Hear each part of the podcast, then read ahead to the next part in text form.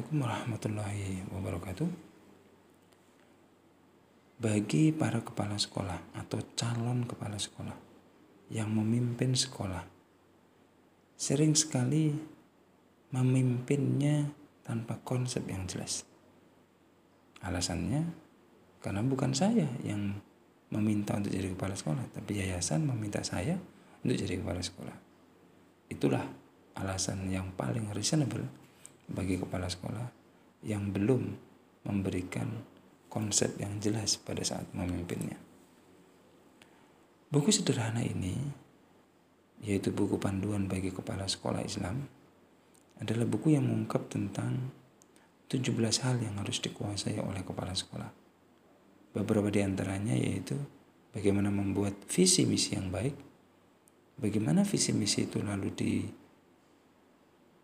ejauntahkan dalam sebuah renstra dan dari renstra itu muncul program kerja dan selanjutnya sampai penguasaan dalam bidang ICT.